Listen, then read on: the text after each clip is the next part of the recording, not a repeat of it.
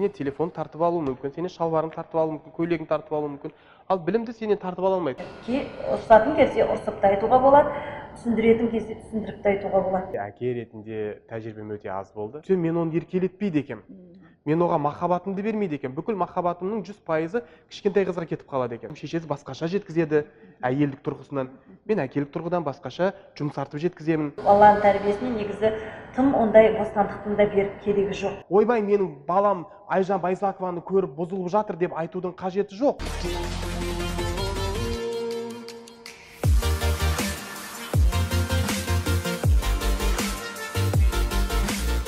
Саламатсыздар ма ата ана сағаты подкастын бастаймыз. Бүгінгі қонақтарымыз әсел рахметова болашақ бағдарламасының түлегі журналист және данияр есен. Журналист қош келдіңіздер. Бүгінгі бірінші сұрағымызды мейірімнен бастайық. Ал өміріңіздегі ең мейірімді адам кім деп ойлайсыздар? Енді әр адамға өміріндегі ең мейірімді адам ол осы жарық дүниені сыйлаған ә, ата аналары анасы деп ойлаймын. Енді мейірімділік деген сөз ол адамға жақсылық жасау адамның тілеуін тілеу деп өзім есептеймін. Енді мейірімді достарымыз көп мейірімді таныстарымыз көп. Тіпті мейірімді әріптестерімізге дейін бар. Оны жоққа шығара алмаймын.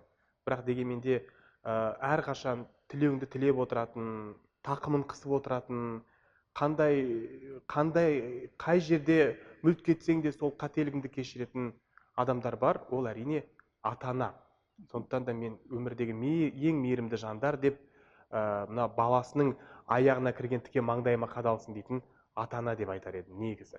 Мхм. өте жақсы.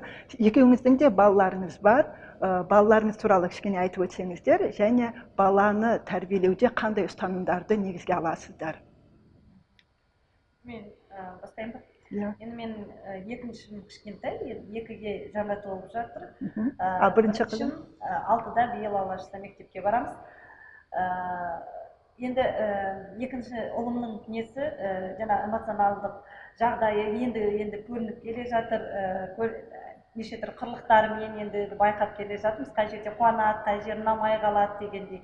Ал ә, қызымдікі енді өзі белгілі ғой. Бірақ менің қызымның бір ә, өзінің ә, әдеті бар. Өзімен өзі ә, ойнайды. Жаңағыдай неге кіріп рөлге рөлге кіріп өзі ойнайды.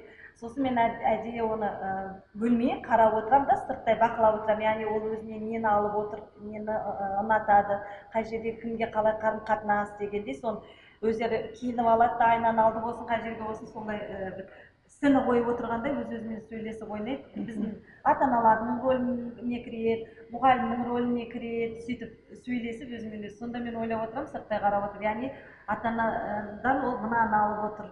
Қатынас оған қалай әсер етіп отыр дегендей и мұғалімдердің да содан тіпті балабақшада осының жаңағы қалай қарым қатынас болып жатқанын да қарауға болады деп ойлаймын өзім мхм. жақсы. Мен бөлмеймін яғни өзің жаңағы ойынын ойнай берсін со- бірақ сырттай қарап отырасың да өзіңе түйесің баланың қалай өсіп келе жатыр ол қалай қандай жағдайды қалай қабылдап жатыр деп. Мхм. жақсы. Енді мен екі қыздың әкесімін үлкен қызым жасы 15-те мхм. кіші қызымның жасы 10-да Ә, аллаға шүкір тәубе алланың осындай бір сыйына күн сайын рахметімді айтамын шүкіршілік етемін. Енді бала тәрбиесіндегі ұстаным дейтіндей бір қатып қалған менде қағида жоқ. Өйткені елу жылда ел жаңа жүз жылда қазан дейді уақыт өзгеріп жатыр. Енді мен он шақты бала тәрбиелеп өсірге, өсірген ата ана емеспін. Менің де қателесетін кездерім өте жиі болады. Енді мен көп жағдайда мынау ә, екі жақты ұстануға тырысамын. Ол бірінші жақ мынау ата бабаларымыздың сан ғасырлардан бері салып кеткен сара жолы бала тәрбиесін бала тәрбиесі туралы ұстанымдар жаңағы үлкенді сыйлау кішіге ізет көрсету деген сияқты ата анаға құрмет көрсету деген сияқты дүниелерді бойына сіңдіріп отыруға тырысамын. Бірақ енді өткен ғасырмен қалып кетуге тағы да болмайды. Өйткені заман қазір бұрын ә, елу жылда өзгеріп жатса қазір заман бір минутта он секундта өзгеріп жатыр. Түрлі түрлі технологиялар шығып жатыр. Әлемге тереземіз айқара ашық. Сондықтан да қазіргі заманның ә, заманауи ә, ұстанымдарды да бойын, бойларына сіңіру, сіңдіруге тырысамын. Синхро- синхронизация дейді ғой орыс тілінде. Екеуін ә, жаңағы синхрон жасауға тырысамын енді қолымнан келгенше. Енді бір аллаға тапсырамын. Енді болашақта өте бір тәрбиелі ибалы инабатты сондай бір иманды қыздар өсіп шығады деген өзім бір ойым бар. Енді енді ең бастысы дені сау болсын деймін. Қазіргі заман талабына ілесіп жүрсе ол да жаман емес. Әсел сіз ше- шетелге болашақпен оқуға барған кезде балаңыз неше жаста еді? Ол кезде мен үш жаста болдым үш жаста болды. Сонда ол жаққа қалай сіңісті балабақшаға бардыңыздар ма? Әрине біріншіден ә, бұл ә, тілдік түсінбеушілік өйткені ол бірден ағылшын ортасына тап болды. Өзі әлі кішкентай енді енді өсіп келе жатқан бала. Басында біраз қиналды. Ешкіммен араласпайды. Осылай барады да апайлары да айтатын өзімен өзі отырады деп. Енді ә, енді енді сіңісіп келе жатты да ә, біраз қиыншылық туғызды сол тілді түсінбеушілік. Бірақ әйтпесе өз жақта да енді балабақшаларға барып жүрді ғой. Ал содан кейін уже ә, уақыт өте кішкене бір екі үш ай өткеннен кейін бала тани бастады кішкене сөздерді ұға бастады ә, деп ойлаймын. Өйткені ұнады. Балабақшаға бару ұнай бастады ә, басында да жылау ондай деген болған жоқ. Одан кейін тіпті сағынды. Жаңағыдай демалыс уақытына тап болдық жазғы одан кейін ә, ол уақыт ол жақта төрт жасынан бастап ә, дайындық мектебіне алады сол төртке келгенде ол ә, дайындық мектебіне барды. Сонда ол тіпті сағынып барды сол мектепке. Мхм. Жақсы. Данияр осы жерде сіз де қоса кетсеңіз екі Мгм. қызыңыз да балабақшаға барды. Сол кезеңде еске түсіріп балабақша кезеңінде қандай ерекшеліктер болды несімен қиын болды несімен жақсы болды? Отбасыға да балаға да. Енді ол кезде қыздарым балабақшаға барғанда менің ата ана ә, ретінде әке ретінде тәжірибем өте аз болды. Негізі. Енді жас болдық қой енді осыдан қанша жыл бұрын. Жастау болдық енді. Сондықтан да қазіргі әке қазіргі данияр әке мен ол кездегі данияр әкенің екеуінің ара жігі алшақ болды. Енді м, балабақшаға апарып тұрдық ы, бірақ енді балаларымызбен ол уақытта көп сөйлеспейтінбіз. Көп сөйлеспейтінбіз әңгіме дүкен құрмайтынбыз кішкентай деп ыыы місе тұтпайтынбыз. Енді кейін келе осы балалар психологиясын оқыдым негізі шынымды айтайын. Өйткені ә, менде ә, отбасымда бір кішкене конфликт болды соны мен жасырмаймын бүкіл сұхбаттарымда да айтып жүрмін. Өйткені кіші қыз өмірге келген кезде кенжесі өмірге келген кезде үлкені сәл ә, қызғанады. Одан кейін ата ананың махаббатына бөленбей шамалы ә, Шетте- тысқары шеттетіп шеттетеді. Кез келген қазақ семьясында бар ол. Ол Мен- бала өзі солай түсінеді негізі солай қабылдайды. Өйткені бізде де сондай жағдай болады иә Негізі шын ол, барлық барлық семьяда бар деп ойлаймын. Ана үлкен ұмытып кетесің да кішкентайға. Кішкентайдың еркелігі бар. Ә, жаңағыдай жаңағы сүйкімді ғой енді. Иә, тәтті ол да үлкен де сүйкімді. Бірақ сондай кезде жаңағы үлкен қыз бір күні өзімен өзі тұйық болып жүр енді. Өзімен өзі тұйық болып жүр. Үйде бір көлеңке сияқты. Иә. содан бір күні келіншегім айтты ана үлкен қыздың қараш ол өзімен өзі. Сөйтсем мен оны еркелетпейді екенмін мен оған махаббатымды бермейді екен бүкіл махаббатымның жүз пайызы кішкентай қызға кетіп қалады екен содан психологқа бардық біз. Мен бұрын психолог деген дүниені онша жақтырмайтынмын. Психолог ей әйтеуір бір жүрген психолог қой ақша табудың амалына кіріскен содан бір ә, жанна деген орыс тілді психологқа бардық. Ә, әйелім барды мен бардым сонымен қызым барып сөйлесті.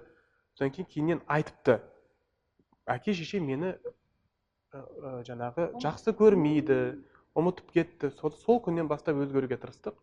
Ваннадан шыққан кезде шашынан иіскеп қандай әдемісің? Қандай киім киіп алса комплимент дейді ғой. Иә иә. Бізде комплимент айтпаймыз ғой қазақтар негізі. Бір айтсақ бір аузымыз қисайып қалатындай қандай әдемі болып тұрсың қандай көйлегің әдемі де- дей салу дей салу еш қиындығы жоқ. Мысалға әсел өзіңіз шетелде оқыдыңыз иә? Шетелде мысалға мен францияда болдым европада жер аралап ел аралап жүрміз ғой. Таңертең тұрып бонжур таңертең тұрып гуд morning деген сияқты. Жай жай ғана күледі. Күліп жай ғана күлімсірейді. Ислам дінінде де бар. Күлімсіреу бұл үлкен бір игілікті іс деп сол сияқты әдемі бір сөздерді айтып тұру керек екен. Ол тем более иә. ол қыз бала мынау еркек еркекпен еркектің жүрегі мен құлағы гөрі әйелдің жүрегі мен құлағы бір біріне жақынырақ орналасқан екен. Негізі ғылыми тұрғыда айтатын болсақ. Сондықтан да әйел құлақпен естігенді жақсы көреді. Содан бастап еркелете бастадым. М, енді қыз бала еркелікті жақсы көреді ғой. Содан кейін өзгеріп шыға келді. Шын мен сіздерге сіздерге өтірік маған шын. Вот сенсация десем де болады өзім өз басымнан өткен жағдай өзгеріп шыға келді. Мүлдем. Қазір ол кезде қызым мен қазір қызым екеуінің ара жігі алшақ кәдімгідей жер мен көктей айырмасы. Өзгеріп қазір өз өзіне сенімді. Кез келген ортада өзінің ойын ашық айта алады. Құдайға шүкір тәубе. Ә, басқа балалар сияқты кейбір балалар сияқты қысылыңқырап тұрмайды. Үлкендермен үлкендерше сөйлеседі кішілермен кішілерше сөйлеседі. Сондай дүние. Мен осындай балабақша дегеннен шығып Иә, кетті иә. әңгіме. Осындай дүниеге тап болғанмын негізі өзім. Иә өйткені бала көп уақытын балабақшада өткізеді таңертең кетіп кешке келеді мысалы иә. Сондықтан ата анамен көп уақыт емес басқа адамдармен көп уақытта өткізіп жатады. Балаларыңызбен қандай тақырыпта сөйлесесіздер? Мен кішкентай болса да мысалы алты жас енді тым кішкентай емес дегенмен. Аха бірақ мен жаңа даниярдың айтып сөзіне Иә. қосамын мен кішкентай кезімізден өзіміз ііі кішкентай кезінен бастап баламен ііі кішкентай бала деп қарамауға тырыстым. Мен солай сөйлесуге тырыстым. Жаңағыдай бір жағдайлар болса жаңа ағылш- англияда да енді мысалы үшін мамам оқуға кетейін деп жатыр деп сондай сондай сөздермен енді баланы қалай жұбатуға нетуге тырысасың ғой. И содан бастап біз үлкен адамдарша түсіндіруге тырысамыз. Тек бір нәрсені болмайды бірақ неге болмайды ол? Соны түсіндіріп бала сосын өзі қазір түсіне бастайсың үлкен қызыммен айленмен сөйлескендерді көп айтып айленмен басқа соның қатарлы балалармен сөйлессең сен қызыңның понятиесі дейді ғой түсінігі кішкене басқашалау сияқты дейді. Мен ойлаймын может быть соған да байланысты шығар. Өйткені ол кезінен сосын әжесінің қолында қалды жаңағы қайнапаның қолында қалды. Ол да солай і қазіргі замани уақытқа сәйкес жаңа түсіндіріп балаға ұрысудан гөрі анау болмайды дегеннен гөрі бірақ неге болмайды дегеннің себебін түсіндіру арқылы солай ііі неттік деп ойлаймын. Содан қазір қызым да өзі ана кішкентай ұлмен сөйлескенде қарап отырамын ол болмайды қазір папа мен мама жұмыс істеп жатыр сосын біз аламыз жарай ма? Деп ана балаға да түсіндіріп отырғандай болады да мен сосын ойлаймын значит бізге де дұрыс ол баланы кішкентай кезінен бастап "Ә, сен кішкентайсың деп емес соны қалай түсінуге баулау керек деп ойлаймын. Енді қандай тақырыптар дейсіз бе? Өте қызықты сұрақ негізі. М олай дейтін себебім енді менің қыздарым қазір ес біліп қалды ғой енді. Иә, үш иә. жасар емес төрт Иә. жасар емес. Біреуі онда біреуі он бесте. Жасөспірімдік шақ. Енді үлкен қызым көп жағдайда енді ә, мынау қоғамда болып жатқан дүниелермен жиі қозғап отырамын әңгімелерді. Мынау жақында америка құрама штаттарында болған қара нәсілді ә, өлтіріп кетті ғой Иә, жаңағы иә. флойд егер мен қателеспесем иә. Ә, бір күні жылап жүр жаңағы не болып қалды десем сондай дүниелер болды дейді. Сол туралы әңгімелестік сайлау туралы әңгімелестік. Одан кейін негізі ащы да болса шындық мектеп жасында жүкті болып қалған қыздар жоқ емес. Ол бар ә, қазақстанда да бар. Кәдімгі қазақы семьяларда да болып жатыр. Жоққа шығармаймын. Соның алдын алу мақсатында енді мен ә, тактикаларын емес жалпы жыныстық тәрбие туралы да әңгіме қозғадым өткенде. Жаңағы 15 Оны- жаста 15 жаста мен енді бой жетіп жатыр. Енді оны шешесі айту керек шығар. Иә, иә. шешесі де айтып жүр мен де айтып жүрмін шешесі басқаша жеткізеді әйелдік тұрғысынан. Мен әкелік тұрғыдан басқаша жұмсартып жеткіземін.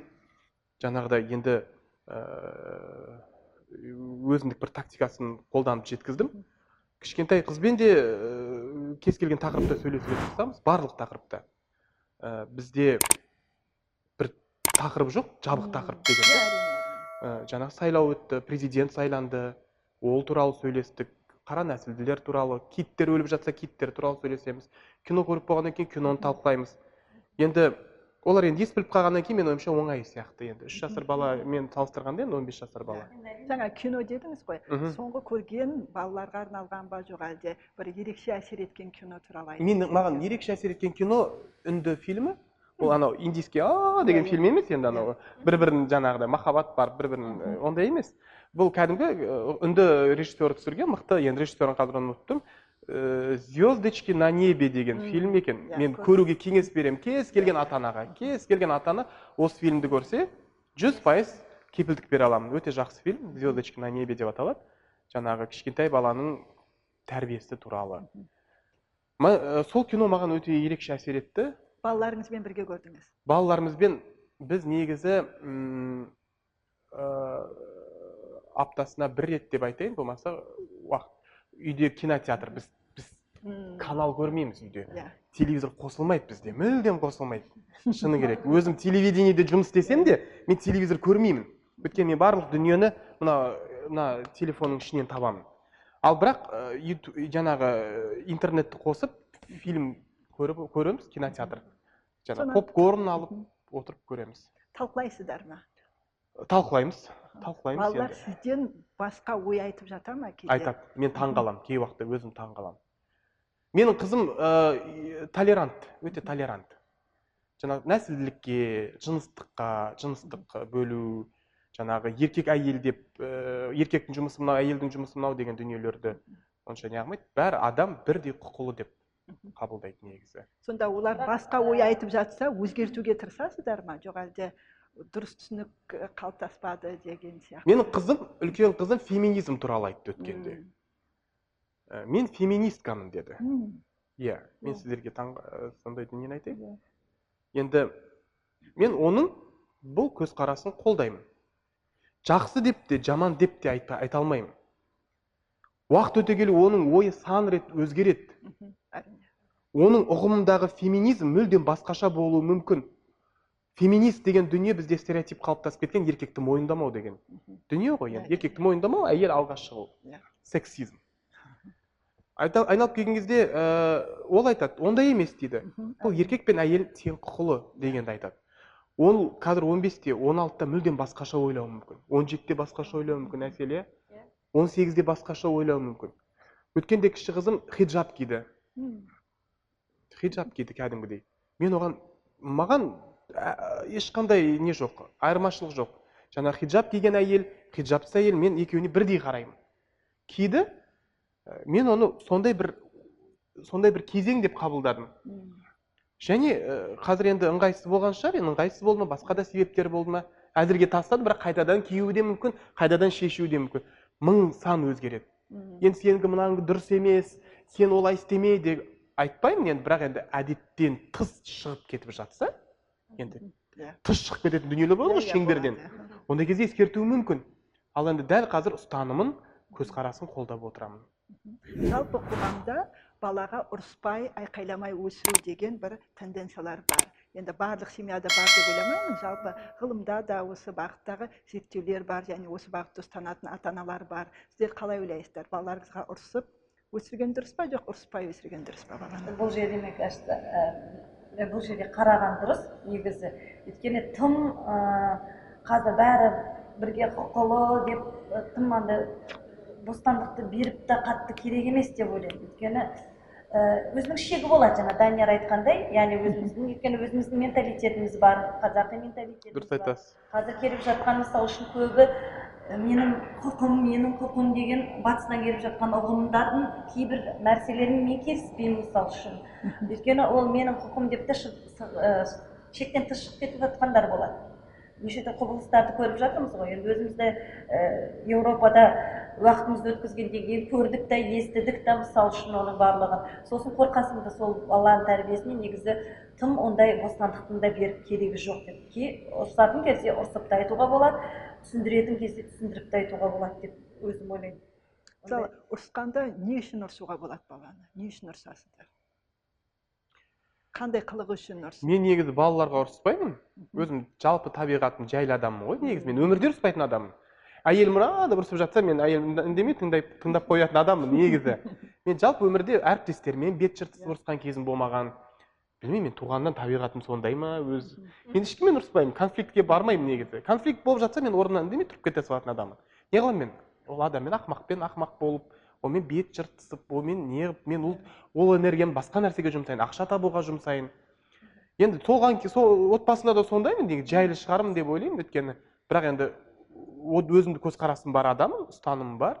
Ә, мен бұрын ойлайтынмын балаға мүлдем ұрыспау керек деп ойлайтынмын. Сөйтсем кей уақытта басыңа шығып кететін кездер болады екен ол мойындаймын.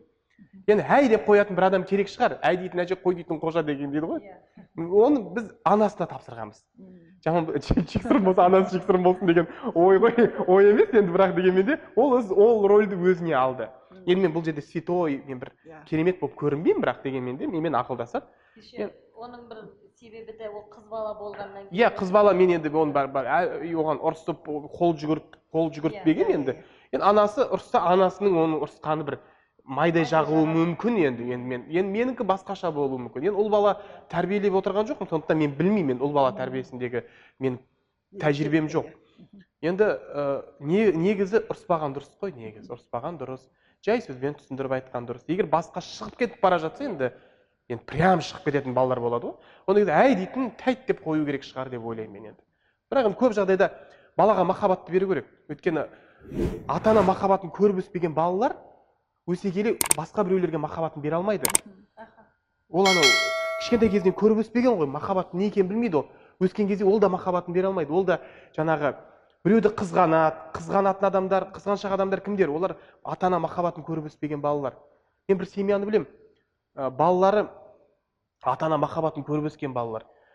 Барсаң болды күліп қарсы алады. Иә. әрқашанда жадырап жүреді. ал керісінше тура сондай семья басқаша семьяны білемін. Ата анасы махаббатын бере алмаған балалар тұн- тұнжыр. Қазір жастар 18-19-ға келді. Жаңағы біреуді әңгімеле әңгіме айтады біреуді біреу туралы жаман пікір айтады сондай дүние. Сондықтан да менің ойымша мүмкіндік болса махаббатты беру керек қой. Қамшының сабындай қысқа ғана ғұмыр. Ертеңіне бала 18-ге толады болды саған қарамайды ертең кетеді. Ертең өзінің семьясы болады өзінің өмірі болады. Иә әрине. Әсел кішкентай балаларыңызбен қандай кітаптар оқисыздар? Қандай кітап оқып бересіз ертегілер енді Иә. кішкентай болғаннан кейін әзірше ертегіден бастаймыз. Міндетті түрде кешке жақын әсіресе ұйықтар алдында қызым ертегі оқып берші деп. Әртүрлі ертегілер тақырыптары балаға түсінікті. Ертегілерді өзгертіп оқып бересіз ба жоқ әлде сол Қазіргі заманский қылып жіберемін деп оны әкесі олай иә рас ол өзінен жаңағы өз ойдан оқымайды ол өз ойынан жаңағыдай фантазиясымен бірдеңелерді құрастырып береді оған қызым мәз болады аха солай ма солай ма деп мәз соны тыңдап отырады ал менде ондай ондайға уақытым да жоқ ондай нетіп отырмаймын мен көбінесе не өзімнің білетін кішкентай кезінен білетін мақта қызым бер мысық жаттап алған ертегілеріміз бар егер де соны айтсам кейбір жерде былай қосып кетуі мү- мүмкін ол бүйтіпті ол сөйтіпті деп ана түсіну үшін неге ол ә, бүйтті? Значит ол түсінген жоқ ол ананы тыңдаған жоқ дегендей әдейі балада ұқсын неге ол мындайға тап болды дегендей айтамын. Ал оқып отырсам жоқ оқысам еш бірдеңесін алып қоспаймын өйткені ол көбінесе қазақи ертегілерді өзіміздің ертегілерімізді оқуға тырысамын. Түсінікті түсінікті ертегілерді. Мхм. сіздерде отбасыдағы ең сүйікті бір ертегі бар ма? Естеріңізде қалып балаларыңыз әлі есінде болып айтып жүретін шынымды айтайын мен енді балаларыма кітап оқытамай жүрмін негізі. Бүкіл халықтың алдында мойындайыншы деймін да. Өйткені мүмкін кітап оқы оқы оқы дейміз. Біз кітап оқып отырамыз. Иә. Қазір мынаған кіріп кетті негізі. Мынаған кіріп кетті. Өткенде ұшаққа отырдық самолетке. Үлкен қызым енді қызығып далаға қарап отыр. Жаңағы кіші қызым мынаған кіріп отыр енді. Қазір балаларға водопад сарқыраманы көрсетсең де таңғалдыра алмайсың. Біз баяғыда сарқыраманы көрсек деп аузымыз ашылып қалатын көлді көрсек аузымыз ашылып қалатын бәрі өзенді көрсек аузымыз ашылып қалатын. Қазір балалар оның бәрін надан тауып жатыр. Балаларға қазір көлді көрсету міндет емес. Көлді ютубтан теріп бер олар отырып көлді көруі мүмкін. Сондықтан да қазір осыған кіріп кетті. Поляна деген.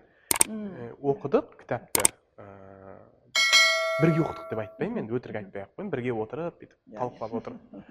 Енді олар оқыды жартысын тастады сонымен киносын көрдік сондықтан да балаға кітап оқыту қиындау болып тұр қазір негізі шыны керек. Неге екенін білмеймін меломанға барамыз кітап сатып аламыз. Мүлдем жоққа шығармайды үлкен қызым кітап оқиды. Ә, кішкентай қызды енді телефоннан ажырату қиындау болып тұр қазір. Мүмкін ата аналар осы видеоны көріп отырған ата аналар комментарийға жазар мүмкін. Иә. қалай оқытап жатыр қалай ә, толық танагөз толық танагөз деген біздің менің әріптесім бар өткенде айтады ата аналарына звондап ана кітаптарды тығып қойыңдар балалар күні түні кітап оқиды деп айтады дейді. Мен таңқалдым кәдімгідей балаларына кітапты енді ойнасын дегені шығар енді. Иә иә. Сондықтан да егер де қандай да бір рецепті болса ата аналардың балаларға кітап оқыту маған жіберсеңіздер болашақта қалай ойлайсыз? Балаңыз бірінші сыныпқа барады кітап оқуға қалай үйретуге болады? Қызықтырып қана үйретуге болатын сияқты. Енді мен өйткені қазір ол өзі енді енді оқып келе жатқандықтан былай өзі бетімен отырып оқиды деп айта алмаймын. Тек қана менің әрине, оқи кішкентай. қойшы дегенмен ғана анда санда былай оқиды. Көбінесе менен сұрайды да жаңағы оқып берші оқып берші деп.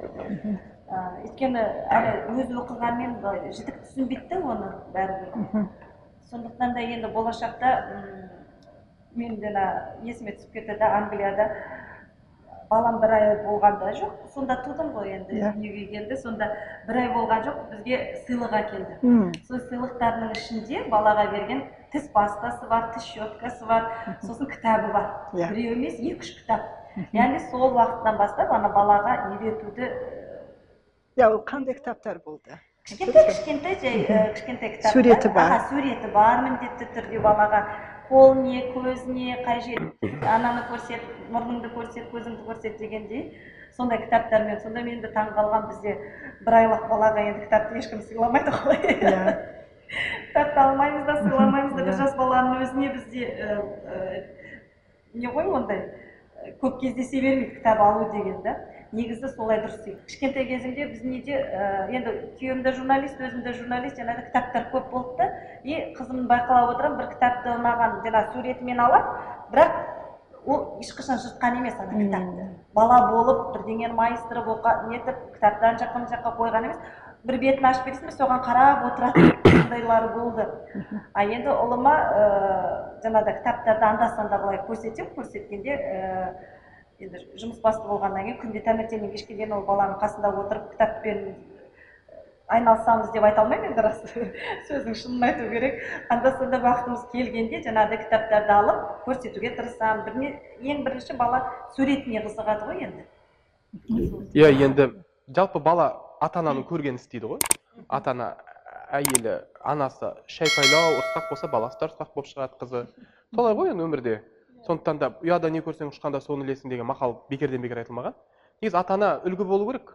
Кітап оқып отырса енді мен бар бүкіл ата аналарға қара көз жаққым келмейді кінәлағым да келмейді. Қазір ә, тамақ табу керек тамақ ішу керек базарда жүретіні бар жаңағы алыс жолда жүретіні бар. Ә, мұғалімдік қызметте көп қой енді ақша табудың жолында жүрген.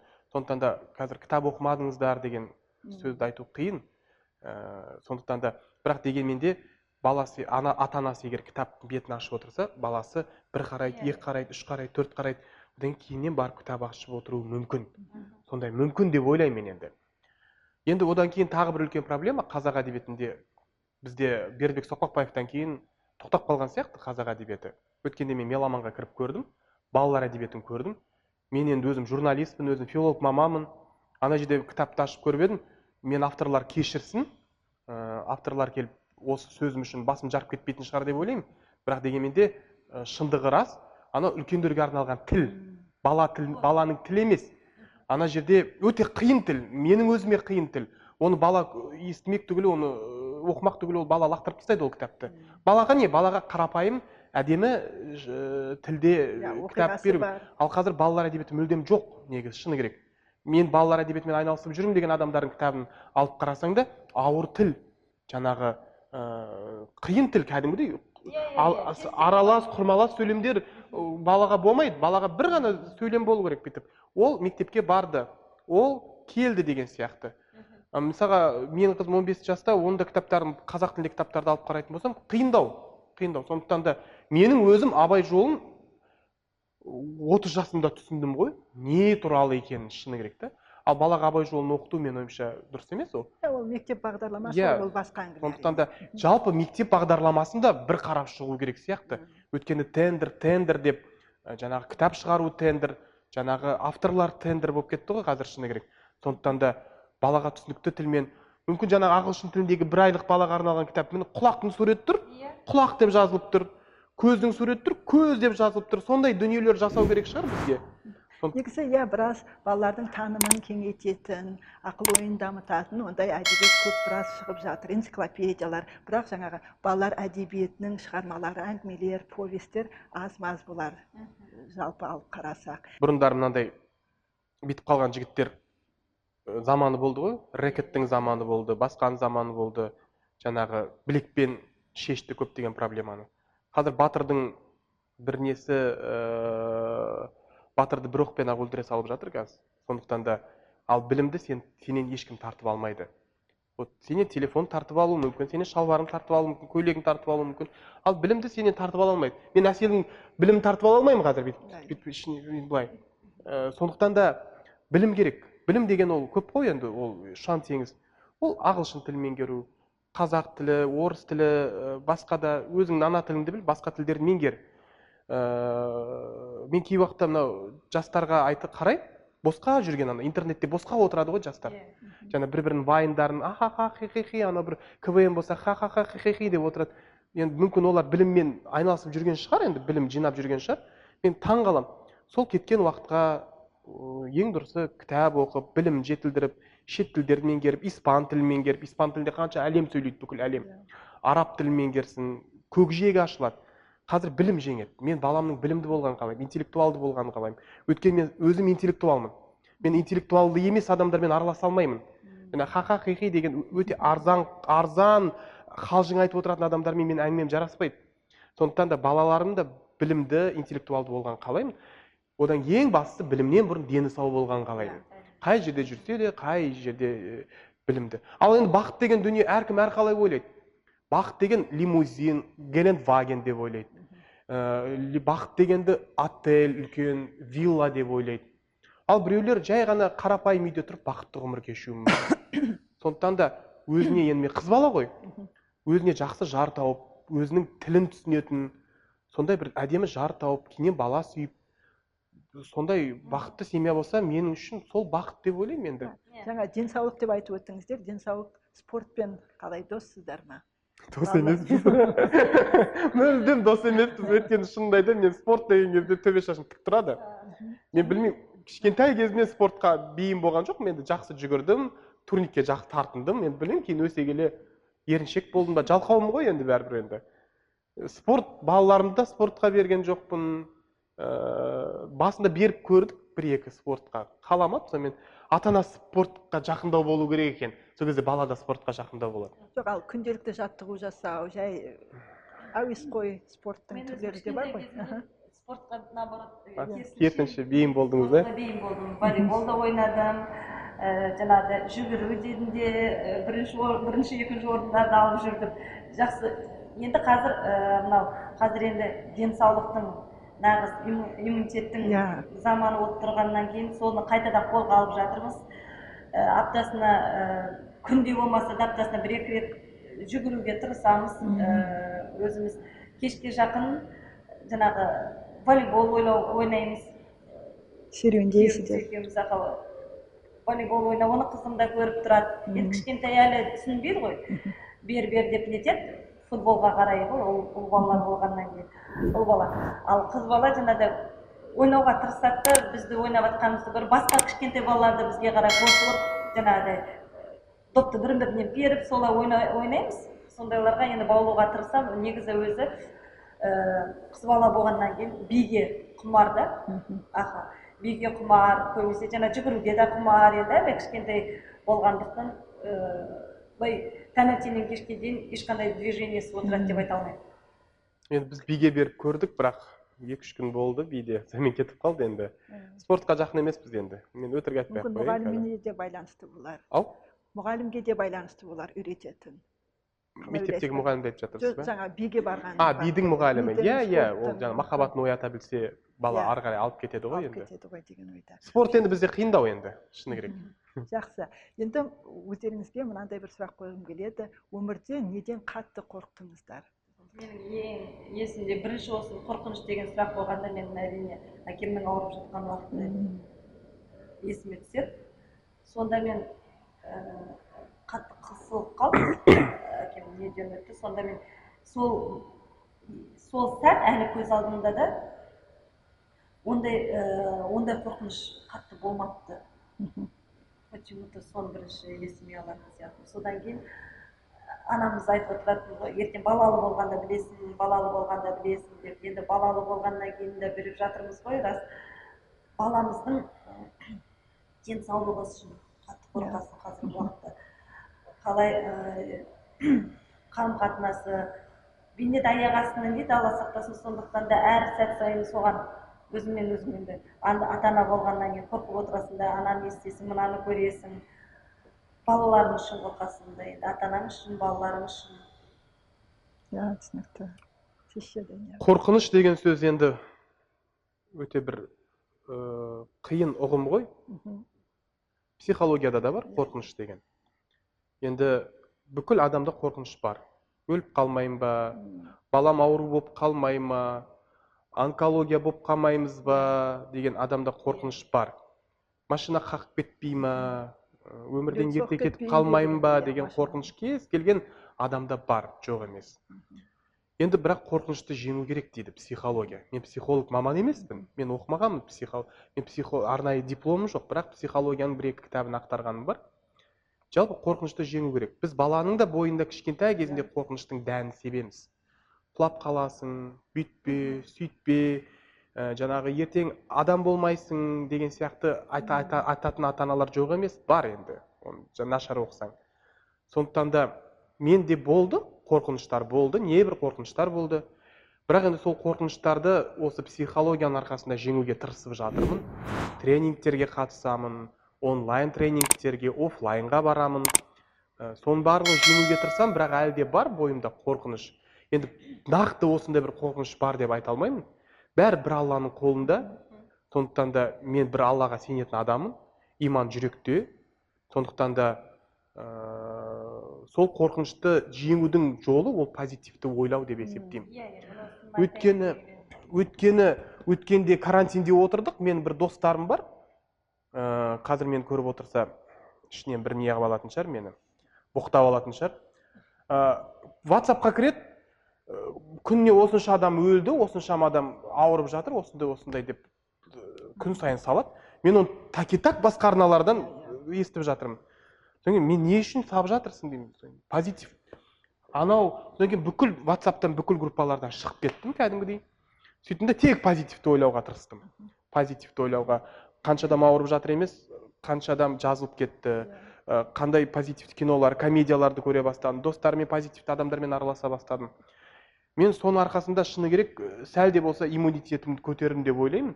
Сондықтан да үнемі позитивте жүру керек деп ойлаймын мен. Мен өзім жалпы позитивті адаммын. Кез келген жерде күліп жүремін күлімсіреп жүремін.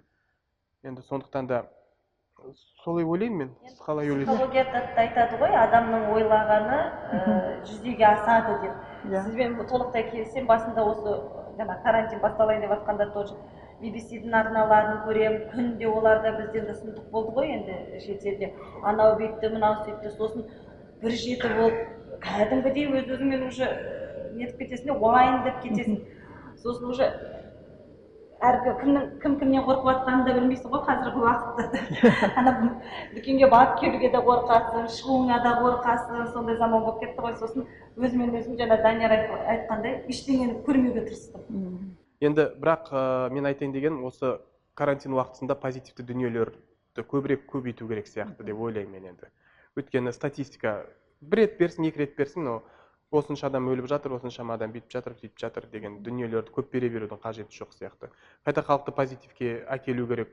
Ә, жаңағы жаттығулардың түрін енді енді көрсетіп жатыр ғой қазір көрсетіп жатыр. Жаттығулардың түрін ауаны қалай жеткізу туралы тығырықтан шығу жолдарын көрсету керек. Анау бүйтіп қалыпты мынау сөйтіп қалыпты ана адам өліп жатыр. Дұрыс қой енді дерек статистика керек енді бірақ. Тұрсынбек қабатовтың бір сөзін естіп едім. Ә, адамдарды ә, көп жаңағы негативті жаңалықтармен қамти берсін қалай? Иә бере берсе. Бере берсе адамдар расында да сондай екен сондай екен деп сөйтіп қабылдайды ғой әр нәрсені болмасын позитивті жаңалықты берген сайын адам позитивтікке ұмтылады ұмтылады сондықтан да расында да көбінесе енді позитивті болуға тырысамыз. Өйткені мен жаңа да айттым ғой бала үшін қорқамын деп оны маған сосын жолдасым керек емес олар қорқып. Сен өз өзіңді наоборот жамандық шақырып жатыр жамандық шақырып жатырсың деп ылғи солай айтады да сондықтан да ә, қорықпауға тырысамыз. Енді біздікі подкаст қой енді бір біріміздің Иә. сөзімізді іліп алып кете Иә, иә, беретін. еркін әңгіме ғой еркін тақырыпта мен айтайын дегенім жаңағыдай ыыы негативті дүниелер адамның өзіне де байланысты негізі. Мен оны мемлекеттік каналды да кінәлаудың қажеті жоқ шығар. Енді мен мысалға телевизорды өшіріп тастадым рахат. Үйде телевизор жоқ бізде кәдімгідей. Мен оны ашық айта аламын. Онда өзім арнада істесем де ашық айта аламын. Ә, енді адамдар өздері негативке жақындау ғой. Мысалға жақсы бір жаңалық таратсаң ана жерде үшем өмірге келіпті десең көп таралмайды. Ана жерде бір кішкентай қыз зорлап кетті десең кетті болды анау тарайды. Адамдар өзі негативке жақын біздің халық өзі негативке жақындау. Негізі да шыны керек. Ә, ақпараттарды тез таратады негативтер. Ә, сондықтан да бізде кейбір адамдар ана негативті аңдып отырады бүйтіп инстаграмда. Біреуді біреудің негативін аңдып отырады біреу не істеп қойды қайрат нұртас қисайып қалды ма м, болмаса ә, мөлдір әуелбекова аяғынан шалынып қалды ма соның бәрін аңдып отырады. Мен оларды мақтап жақтап отырғаным жоқ. Сондықтан да позитивті дүниелерді көруге тырыспайды қолынан келгенше. Сондықтан да мен айтар едім жаңағыдай дүниелерді азайту керек. Көбінесе позитивті дүниеге жақын болып сол кезде менің ойымша кез келген дүниені жеңуге болады деп ойлаймын. Адамның өзіне байланысты. Көрмеймін десе көрмейді. Негатив әйтпесе толып жатыр. Интернет деген мус менің ұғымымда интернет деген менің ұғымымда интернет деген мусор. Онда бәрі бар. Мен осы жерде бір қысқаша айта кетейін. Баланың тәрбиесіне жауапты интернет емес. Әрине. Баланың тәрбиесіне жауапты айжан байзакова емес. Баланың тәрбиесіне жауапты черен емес. Наргизова кім еді анау? Төсін ашып шыққан. Олар емес олардың миллионы шығады. Айжан байзакованың миллионы шығады әлі. Сондықтан да ойбай менің балам айжан байзакованы көріп бұзылып жатыр деп айтудың қажеті жоқ. Менің баламның тәрбиесіне мұғалім жауапты емес. Өйткені ол айлығын алып отыр балаға тәрбие сабақ берді болды кетті. Баланың тәрбиесіне жауапты бірден бір ата ана болды. Басқа ешкім емес баланың тәрбиесіне жауапты. Сондықтан да сондықтан ертең алла ана дүниеге барған кезде аманат етіп тапсырған сенен сұрайды. Айжан байзаковадан сұрамайды. Даниярдың баласына сен неге үйттің? Сен неге бүйттің деп сұрамайды.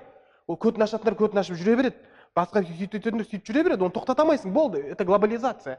Сондықтан да жауап беретін адам ол ата ана сондықтан да ата ана күні түні интернетте отырғанша анау айдаладағы әншілерді аңды- ән- әншілерді аңдығанша керегі жоқ пайдасы жоқ ана әншілерді. Аң- аңдығанша лучше сол уақытын балаларына бөлсін он минут. Әрине. Балалармен отырсын балалармен кітап оқысын. Балалармен отырып ана ватсапта отырады кейбір әйелдер мен қазір көрсе түтіп жібере түтіп жіберетін шығар комментарийға жазады мен точно білемін точно білемін ватсапта отырады құр тұр уақытын босқа өткізеді. Е сол уақытта балаңа уақыт бөлсейші он минут. Е күнім жаным айым де. Анау бір ватсапта бір отырады ғой бір әйелдер ерігіп күні түні. Әйелдер де еркектер де отырады қазір. Жақсы. Енді аш айтты деп ренжімеңіздер. Айтатын бір сөз бар ғой. Не Иә. следи за чужой жизнью не завидишь как своя жизнь пролетит. Иә. рас қой біреудің өмірін аңдығанша рас мен де сондықтан да интернетке көп не емес. Бұл жерде жауапкершілік ата анада әрине ата ана ата ана баланың не көретінін нені таңдап нені оқып нені тұтынып жатқанын біліп байқап жүру керек және шектеуді ата ана қою керек. Иә бұл жерде тағы бір сұрақ қояйыншы. Карантин кезі болды болып жатыр қазір. Төтенше жағдай болды. Балаларға қалай түсіндірдіңіз осы жағдайды? Менің қызым кішкентай болса да Иә. бірден түсіндірдік осындай осындай қазір вирус шығыпты коронавирус шығыпты осындай осындай көрдің ба осылай осылай болып жатыр. Сондықтан да шықпауымыз керек деп түсінгендей болды. Енді өзім өйткені мама қашан мына коронавирус кетеді деп ана коронавирусты да айтып отырады Ә, былай енді әрине кішкене қиындау болды балаға. Ә, далаға шықпау үйде отыру ешкіммен араласпау. Ә, біз енді төртеуміз ғана ғой. Төртеуміз ғана болғаннан кейін басқаларды сағынып араласқан ә, сондай уақыттарды сағынып жүрді. Оның Иә. бірақ енді түсінгендей болды осындай осындай ауру.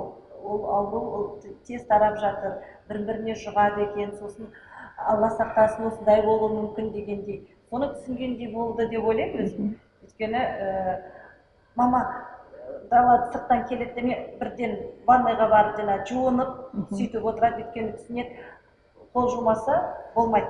Сосын сыртқа шығып кеткен мама тіпті маған да айтатын уақыттар болады. Маскаңды ұмытпа деп. Өзің ұмытып кететін болады уақыттарға ол бірден маскаңды ұмытпа мама деп сондай сөздер болып тұрады. Енді біздің қыздарымыз үлкен енді карантин деген сөзді бірінші рет естіді өмірінде. Иә. төтенше жағдай деген сөзді бірінші рет естіді коменданттық сағат дегенді бірінші рет естіді. Енді мынау торговый центрлер ә, тоқтап қалғаннан кейін түсіне бастады. Одан кейін қонаққа баруымыз автобустар тоқтады. Иә. сондықтан да енді оңай емес баланы үйде ұстап отыру Иә. ойын баласын. Жүгіргісі келеді ғой. Анда барғысы келеді мында барғысы келеді барып аттракционға барып ойнағысы келеді. Енді бірақ енді түсінді енді түсіндіргенде айттық сондай айтпа біз айтпай ақ олар көріп отыр ғой. Ана интернет ашып қалса болды лайки дейді тик ток дейді. Қазір ой ана вк бар. Олар ашты. Коронавирус и пандемия. Қазір балалар жаттап алды ғой сондықтан да. Менің ойымша біз айтпай ақ балалар түсінді деп ойлаймын өздері де түсінді өзі түсінді ол. Өте жақсы. Енді осымен біз ата ана сағаты подкастын аяқтайық. Әлі көп нәрсе айтылмай қалды. Болашақта тағы да кездесулер болады деп ойлаймын. Сон- сол кезде тағы тереңірек бұны талқылай түсеміз. Бүгінгі қонақтарымыз әсел рахметова және данияр есен. Сіздерге көп рахмет. Ата ана сағаты бағдарламасы осымен аяқталды. Біз назарбаев зияткерлік мектептеріне алғыс айтамыз. Сау болыңыздар. Келесі кездескенше.